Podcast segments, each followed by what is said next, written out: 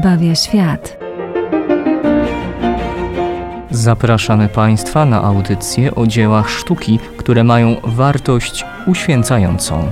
I artystach, którzy poprzez swoją twórczość ukazywali swoją więź z Bogiem. Audycja Piękno zbawia świat. Radio Jasna Góra. Zapraszamy.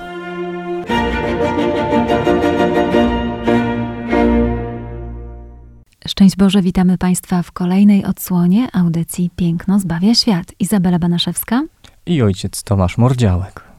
Dziś mamy dla Państwa bardzo wdzięczny temat. Październik to taki anielski miesiąc, mnie się przynajmniej tak kojarzy, nie wiem jak ojcu. I właśnie do postaci anielskiej będzie nawiązywał temat naszego dzisiejszego obrazu.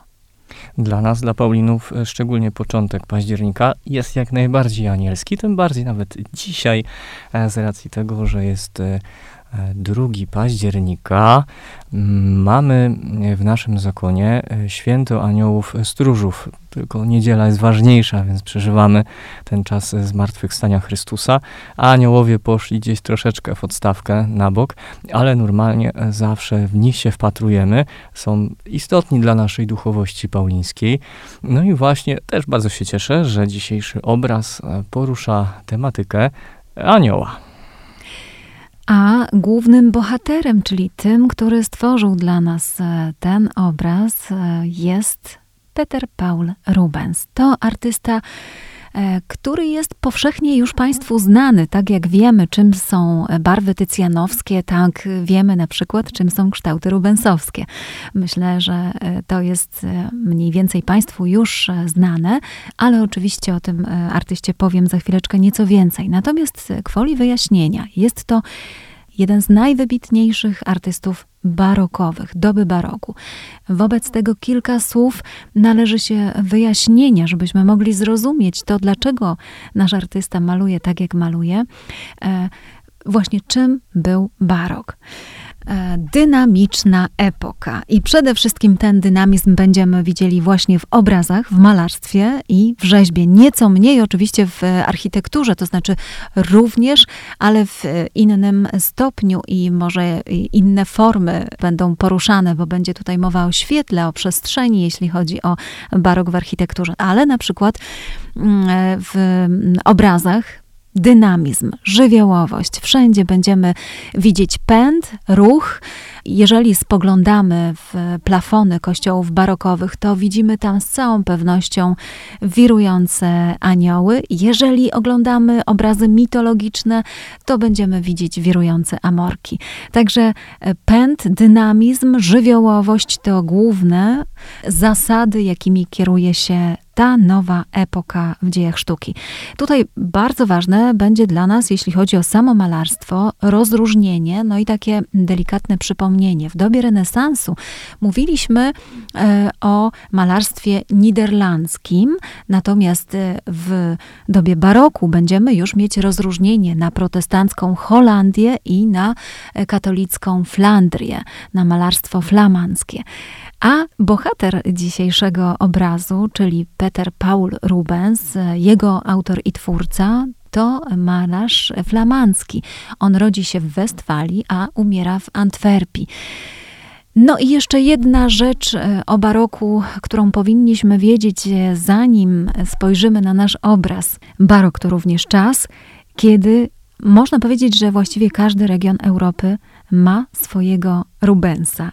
To znaczy, e, wspomniałam już o tym, że to jeden z najwybitniejszych malarzy i rzeczywiście malarstwo flamandzkie ma swojego e, Petera Paula Rubensa, ale Holandia miała swojego Rembrandta, Hiszpania ma swojego Velasqueza, Rzym ma e, swojego Caravaggia, a Francja Poussena. Więc widzimy, że nie będzie to już takie proste jak w dobie renesansu, kiedy prym wiodła, jeśli chodzi o stolicę sztuki Florencja, później nieco próbowała ją odbić Wenecja i Mediolan. Teraz to będzie dużo bardziej różnorodne, jeśli chodzi o malarstwo, bo w baroku każdy władca mm, będzie chciał mieć swojego malarza nadwornego. No i tak też było z wymienionymi dotychczas przeze mnie e, malarzami, zarówno e, Rubens, jak i Rembrandt, jak i Velázquez, e, jak i również Caravaggio. To wszystko artyści, którzy będą malowali również i portrety władców. Przypomnieliśmy sobie, czym jest barok, również kto jest e, autorem naszego obrazu, ale chyba gdzieś umknął nam sam tytuł. Nawet wiemy, co na tym obrazie między innymi jest, ale tytuł, tak. tytuł to Eliasz i Anioł na pustyni. Zatem to są dwaj główni bohaterowie obrazu, którego mm-hmm. możemy się przyjrzeć. E, widać, że zajmują e, całą powierzchnię mm, omawianego przez nas e, obrazu. Mm, te kształty rubensowskie jak najbardziej tu są dla mnie widoczne i sam miałem się już o nie pytać, e, bo widać po ciałach e, Eliasza, jak i również anioła tą pełnię. Tak? Dobrze to określam? E, pełnie. To wszystko związane jest z nową filozofią piękna, to, która nam się tutaj e, pojawia. Pamiętamy renesans, Marsilio Ficino, piękno to dobro, wszystko nam się zgadza jak najbardziej, tyle tylko, że w baroku filozofia piękna idzie w kompletnie inną stronę. Już nie renesansowa harmonia, rytm i symetria, ale cielesność. Właśnie, cielesność. E, e, będzie akcent na to, że piękne znaczy zdrowe, obfite. E, ciało człowieka, które jest o pełnych kształtach, które właśnie odznacza się takimi kształtami rubensowskimi, jest pełne, jest dojrzałe. Żeby też tą barokową obfitość wydobyć, no to nijak inaczej się nie dało, jak tylko właśnie malując pełne kształty, a u Rubensa akurat niemalże zredukowane do takiej takiej skóry, pod którą znajdują się fałdy tłuszczu. No tak, niestety to było. Akurat ten obraz, który e, mamy przed sobą, Eliasz i Anioł, jest jeszcze w jakichś większych normach, e, no bardziej powściągliwie malowany, natomiast już akty, czy też sceny mitologiczne u Rubensa, no tam już naprawdę zobaczymy e, mocne fałdy tłuszczu. Taka filozofia piękna nagle przychodzi i artyści się zaczynają do niej stosować. Niestety. Wybujałość, więc wybujałość, rozmach również i w formie, również i w, jeśli chodzi o formę bardziej zmysłową, czyli przedstawianie ciała ludzkiego. Dlaczego mamy postacie Eliasza i Anioła? Dlaczego Rubens podejmuje ten temat? Skąd go y, wziął? Dlaczego go przedstawia? Na pewno skąd go wziął jest to fragment i część Biblii, a mianowicie pierwszej Księgi Królewskiej, która opisuje życie Eliasza. Dokładnie ten moment, kiedy Eliasz po naprawdę wspaniałej akcji na rzecz Boga, kiedy e, niszczy, no dosłownie morduje e, kapłanów obcego Boga, obcych bogów, bo dokładnie Baala i Aszery, e, ucieka. Ucieka przed królową Izabel, która y, po prostu chce go zamordować z powodu tego, co zrobił jej e, kapłanom. Eliasz ucieka na pustynię i tam wręcz popada w pewnego rodzaju e, depresję. E, dalej jakiś strach, nie chce mu się żyć e, i zasypia pod drzewem Janowca. I wtem pojawia się anioł Boży, który tego biedaka naszego Eliasza trąca i wręcza mu do spożycia chleb i dzban e, wody. Nasz Eliasz e, niestety e, po spożyciu tego, co otrzymał, znowu zapada w sen, ale Bóg przez swojego posłańca, jakim jest anioł, nie daje mu spokoju, znowu go trąca w bok i każe mu zjeść to, co otrzymał. I wtedy Eliasz ponownie spożywa to, co zjadł i wyrusza w drogę na Bożą Górę Choreb przez 40 dni i 40 nocy. A Rubens przedstawia nam tu i ukazuje ten drugi moment e, spożycia, ja tak uważam, e, chleba i wody, bo już mamy Eliasza w pozycji e, stojącej, więc gotowego na, na podróż, a nie takiego, który by się e, miał zaraz położyć e, do snu. No tak, bo e, trącenie, tak, łokciem bodajże, tak, trącenie dwukrotne Eliasza byłoby mniej dynamicznym tematem i z tego powodu e, prawdopodobnie Rubens wybiera taki moment, w którym to anioł, który naprawdę szczelnie wypełnia nam tutaj przestrzeń e, tego obrazu, dokonuje takiego wstępowania, tak? Czyli widzimy, że on dopiero co zstąpił z nieba. Proszę zobaczyć, że uniesiona szata. Szaty, zresztą nie tylko anioła, ale i samego Eliasza, e, są poruszone. Tyle tylko, że szaty Eliasza mimo wszystko bardziej statyczne. Natomiast w przypadku anioła, no z jednej strony widać jego skrzydło także rozłożone, więc on musiał w tej chwili z tego nieba zlatywać. Oczywiście to, że jego ciało jest piękne, zdrowe, to, to widzimy na pierwszy rzut oka, tak? Ale w niezwykłym ruchu, bardzo dynamicznym ruchu pozostają właśnie jego szaty. No i teraz spoglądamy na nogę e, anioła. I widzimy, że szata oplata idealnie jego nogę. To znaczy, że dokonuje on ruchu, że artysta chciał nam tym samym wyrazić, że noga, którą widzimy z przodu, tak, wychodząca poza tą, którą widzimy z tyłu, która pozostaje w stosunku do tej e, z przodu w delikatnym wykroku, jest opięta szaty cofnięte. Ta szata, którą anioł ma się, taka jakby rodzaj szala pełniąca, którą się owijał, e, zupełnie jest uniesiona e, w górę, w miejscu, gdzie e, znajduje się drugie skrzydło anioła. Więc to jest właśnie ten dynamizm, który nam tutaj artysta próbuje zasugerować. To jest ten ruch, wstępuje z nieba, aby poruszyć Bożego proroka. A ja bym jeszcze tutaj dotknął kolorów szat i anioła. Mhm. Jedna ym, z szat anioła jest biała, ta dynamiczna, znaczy druga również jest y, pokazująca ten cały ruch. Y, jest mhm. to y, szata koloru złotego. I mamy Eliasza, który wedle podań biblijnych był przyodziany w sierść wielbłąda, ale jednocześnie na obrazie mamy również białą szatę, troszeczkę ciemniejszą, myślę, że z racji oświetlenia, niż anioła. Dla mnie jest to przynajmniej symbol. pewien znak, symbol. że mhm. jak y, Eliasz, podobnie jak anioł, czyli po hebrajsku y, malak, posłaniec, również on jest Bożym posłańcem.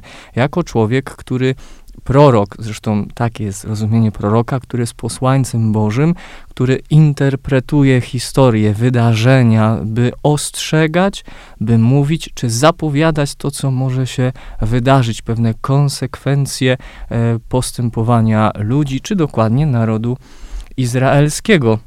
Więc myślę, że tutaj Rubens podaje nam tą tożsamość proroka i jednocześnie e, anioła, który też jest posłańcem Bożym. Na pewno tak. Dobrze, że ojciec zwrócił na to uwagę, choć, tak jak zauważyliśmy, szata Eliasza jest ciemniejsza. To oznacza jego większe przywiązanie do ziemi. Szata anioła nie może być ziemska, e, bo jest duchem czystym, więc jest zupełnie biała.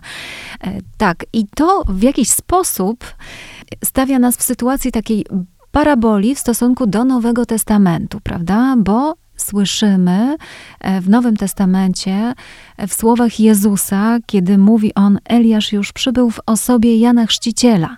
No i pamiętamy, że Jan Chrzciciel to była właśnie taka osoba, która na pustyni mieszkała, a żywiła się e, szarańczą i ubrana była w futro wielbłądzie.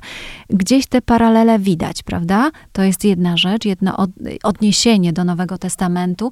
No i drugie odniesienie, które jest tutaj również bardzo widoczne, uwaga, anioł przynosi ten tytułowy podpłomyk, czy też chleb, właśnie i wodę. Tak? Na obrazie właśnie dokładnie to widzimy.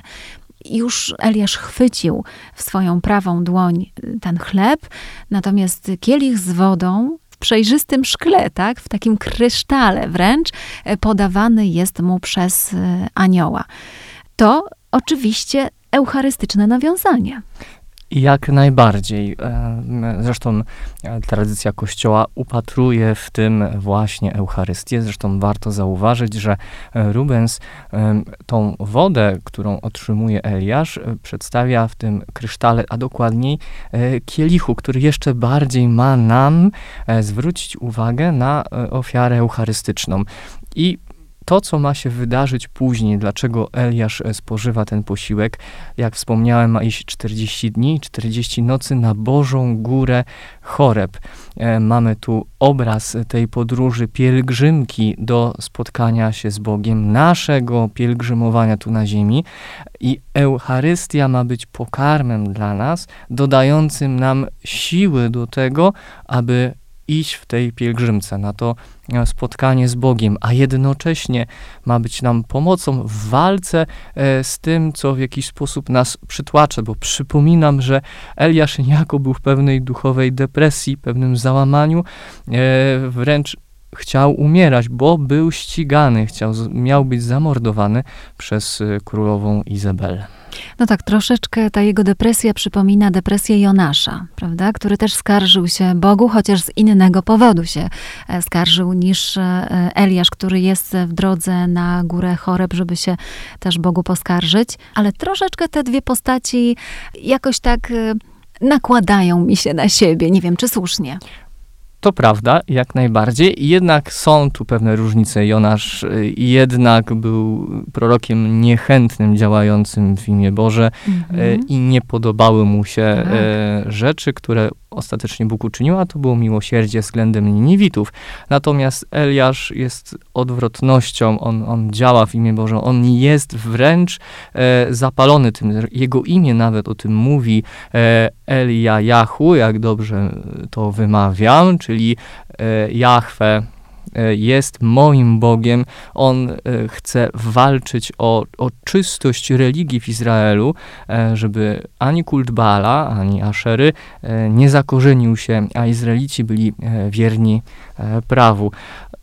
Eliasz wpada w depresję z innego powodu, Jonasz również z innego. No tak, to prawda. Mówi o swojej niemocy, bo jest jednym, no tradycja go nazywa jednym z najbardziej żarliwych, gorliwych właśnie proroków, którzy walczą o czystość wiary, o czystość e, przekazu. A bym tutaj jeszcze dodał, jeśli mhm. nawiązując do obrazu, patrząc na e, włosy Eliasza, one są nie w pełni e, czarne, wręcz lekko siwe. Dla mnie jest to pewien taki, przynajmniej we mnie budzi to taki obraz tego, że mm, Eliasz już lekko mający doświadczenie, bo sama siwizna wskazuje o pewnym doświadczeniu, starości, mm poznaniu. O dojrzałości. Mm, tak. tak, dokładnie ale ona nie jest w pełni siwa, jak nieraz mogą przedstawiać proroków. Dlaczego o tym tak myślę i uważam?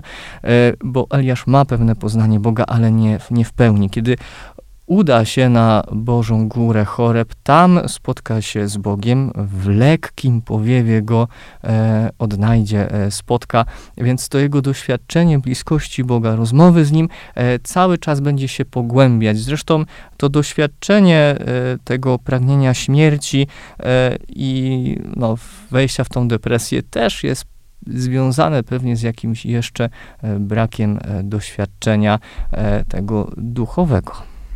Tak, ja jeszcze na sam koniec chciałabym e, zwrócić uwagę na teatralność e, form artystycznych, które tutaj zostały ukazane. E, nie wiem, czy o tym wspomniałam na początku, ale Barok był bardzo teatralny. I teraz proszę zobaczyć, po pierwsze, skomplikowana, no wyjątkowo skomplikowana poza anioła, tak? Jeżeli szukalibyśmy ciężaru tego jego ciała, no to zważywszy na to, że ma skrzydła, które go w jakiś sposób mogą unosić, prawda? I, i gdyby nie to, to mógłby się przewrócić. E, stoi na palcach jednej nogi i na palcach drugiej nogi. Trzyma e, w dłoni, e, w kielichu wodę w jednej ręce, w drugiej ręce przyniósł chleb. Pochyla się jeszcze. Więc proszę zobaczyć, jaka teatralna, jak skomplikowana poza. Oczywiście, jeżeli mówimy o e, całej historii malarstwa, e, kwestie pozy jeszcze bardziej nam w, w obrazach komplikuje manieryzm. Ale tutaj, żeby ukazać właśnie ten ruch stępujący, anioła, artysta posłużył się do takiej bardzo skomplikowanej e, pozy. Do, nie dość, że e, mm, anioł jest w takim delikatnym pochyleniu, to i odchyleniu, bo nie widzimy go e, zupełnie wyprostowanego. No i właśnie balansuje na palcach pomiędzy jedną a drugą nogą, trzymając jeszcze w ręku i podając statycznemu całkowicie Eliaszowi pożywienie, z którym do niego przybywa. Także gdyby nie te jego skrzydła, to kto wie, co by się wydarzyło po chwili.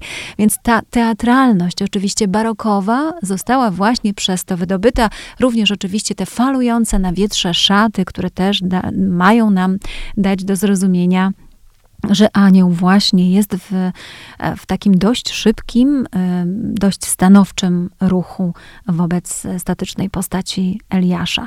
No i to wypełnienie, całkowite wypełnienie obrazu przez dwie postacie. My wiemy o tym, że Eliasz odpoczywał pod drzewem.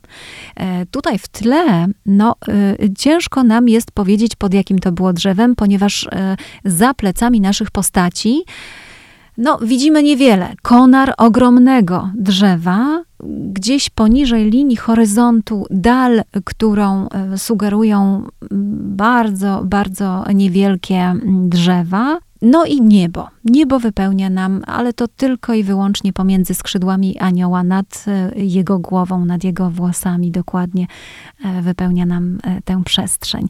Więc te postacie bardzo mocno wykadrowane, gdybyśmy chcieli takiego fotograficznego języka tutaj e, użyć, prawda? Bardzo e, ostrość na nie tutaj jest e, zoomowana i wypełniają nam tę przestrzeń kadru malarskiego artysty w ogromny sposób. Co możemy jeszcze powiedzieć o Rubensie? Dwie ciekawostki, drodzy Państwo, dla Państwa przygotowałam. Losy tego artysty co najmniej dwukrotnie splotły się z Polską. E, w 1621 roku posłannik króla Zygmunta III udaje się do Flandrii po fundusz na wojnę turecką, ale zamiast pieniędzy wraca z obrazem Rubensa zdjęcie z krzyża. I ten obraz ofiarowuje kolegiacie w Kaliszu. E, I w 1624 roku, to taki drugi epizod, do portretu Rubensowi pozuje Władysław IV Waza. Ten obraz do dziś dnia można oglądać na Wawelu, pochodzi z około 1620 roku i był przeznaczony dla infantki Izabeli, która była, no można powiedzieć, że Rubensa mecenasem sztuki. Tak, y, blisko końca myślę, że bardziej ku refleksji, mhm. E, bo teraz jak zaczęliśmy rozmawiać o obrazie, to też w jakiś sposób przykuło moją uwagę, że Eliasz e, wpatruje się e, w anioła. Nie patrzy na otrzymane dary, ale wprost jego twarz jest skierowana ku twarzy anioła. Kiedy patrzę na y, biblijne przekazy, kiedy to ludzie spotykają aniołów, e, zazwyczaj mają moment tego, że chcą padać na ziemię, gdyż oglądają posłańców bożych. Eliasz tego nie uczynił, tak jak czytamy w pierwszej księdze królewskiej. Tutaj e, też jego wyraz twarzy mm, nie widzę, aby w jakiś sposób miał tą formę nawet lekkiego przerażenia, bo to jest ostatecznie majestat naprawdę posłańca Bożego, e, ale po prostu jest to spojrzenie, pewne e, skupienia, a może pewnej obojętności tego, co właśnie, jak wspomnieliśmy, że nasz bohater Eliasz jest jakiś tej kwestii e, depresji, słabości e, ducha, dlatego potrzebuje tego pokarmu, który wręcza mu anioł. On ten pokarm z pokorą przyjmuje, natomiast jeszcze na sam koniec e, jedna rzecz, na którą zwrócę uwagę, gesty. Proszę zobaczyć, w jakich gestach niezwykle wyszukanych, subtelnych, delikatnych ukazany zostaje anioł i prostotę gestów samego Eliasza. Otwarte dłonie, on przyjmuje. Właśnie, otwarte dłonie zawsze w obrazie odznaczają prostotę. Jak najbardziej oczywiście ten gest jest tutaj wytłumaczalny, ponieważ do e, swoich dłoni przyjmuje chleb i, e, i wodę. No ale e, mógł go artysta ukazać w zupełnie innej pozie, prawda? E, te, te dłonie mogliśmy widzieć od zewnątrz, tymczasem widzimy je takie rozprostowane. Szczerość intencji i prostota. Również e, w, w takiej bardzo prostej sylwetce został ukazany i to, że jest statyczny w obrazie barokowym, niezwykle dynamicznym, też o pewnej prostocie i skromności e, tego proroka e, chce nam powiedzieć. A zatem polecamy Państwu właśnie do refleksji ten obraz Anioł i Eliasz autorstwa Rubensa. I dziś dziękujemy za uwagę. Izabela Banaszewska i ojciec Tomasz Mordziałek. Do usłyszenia za tydzień.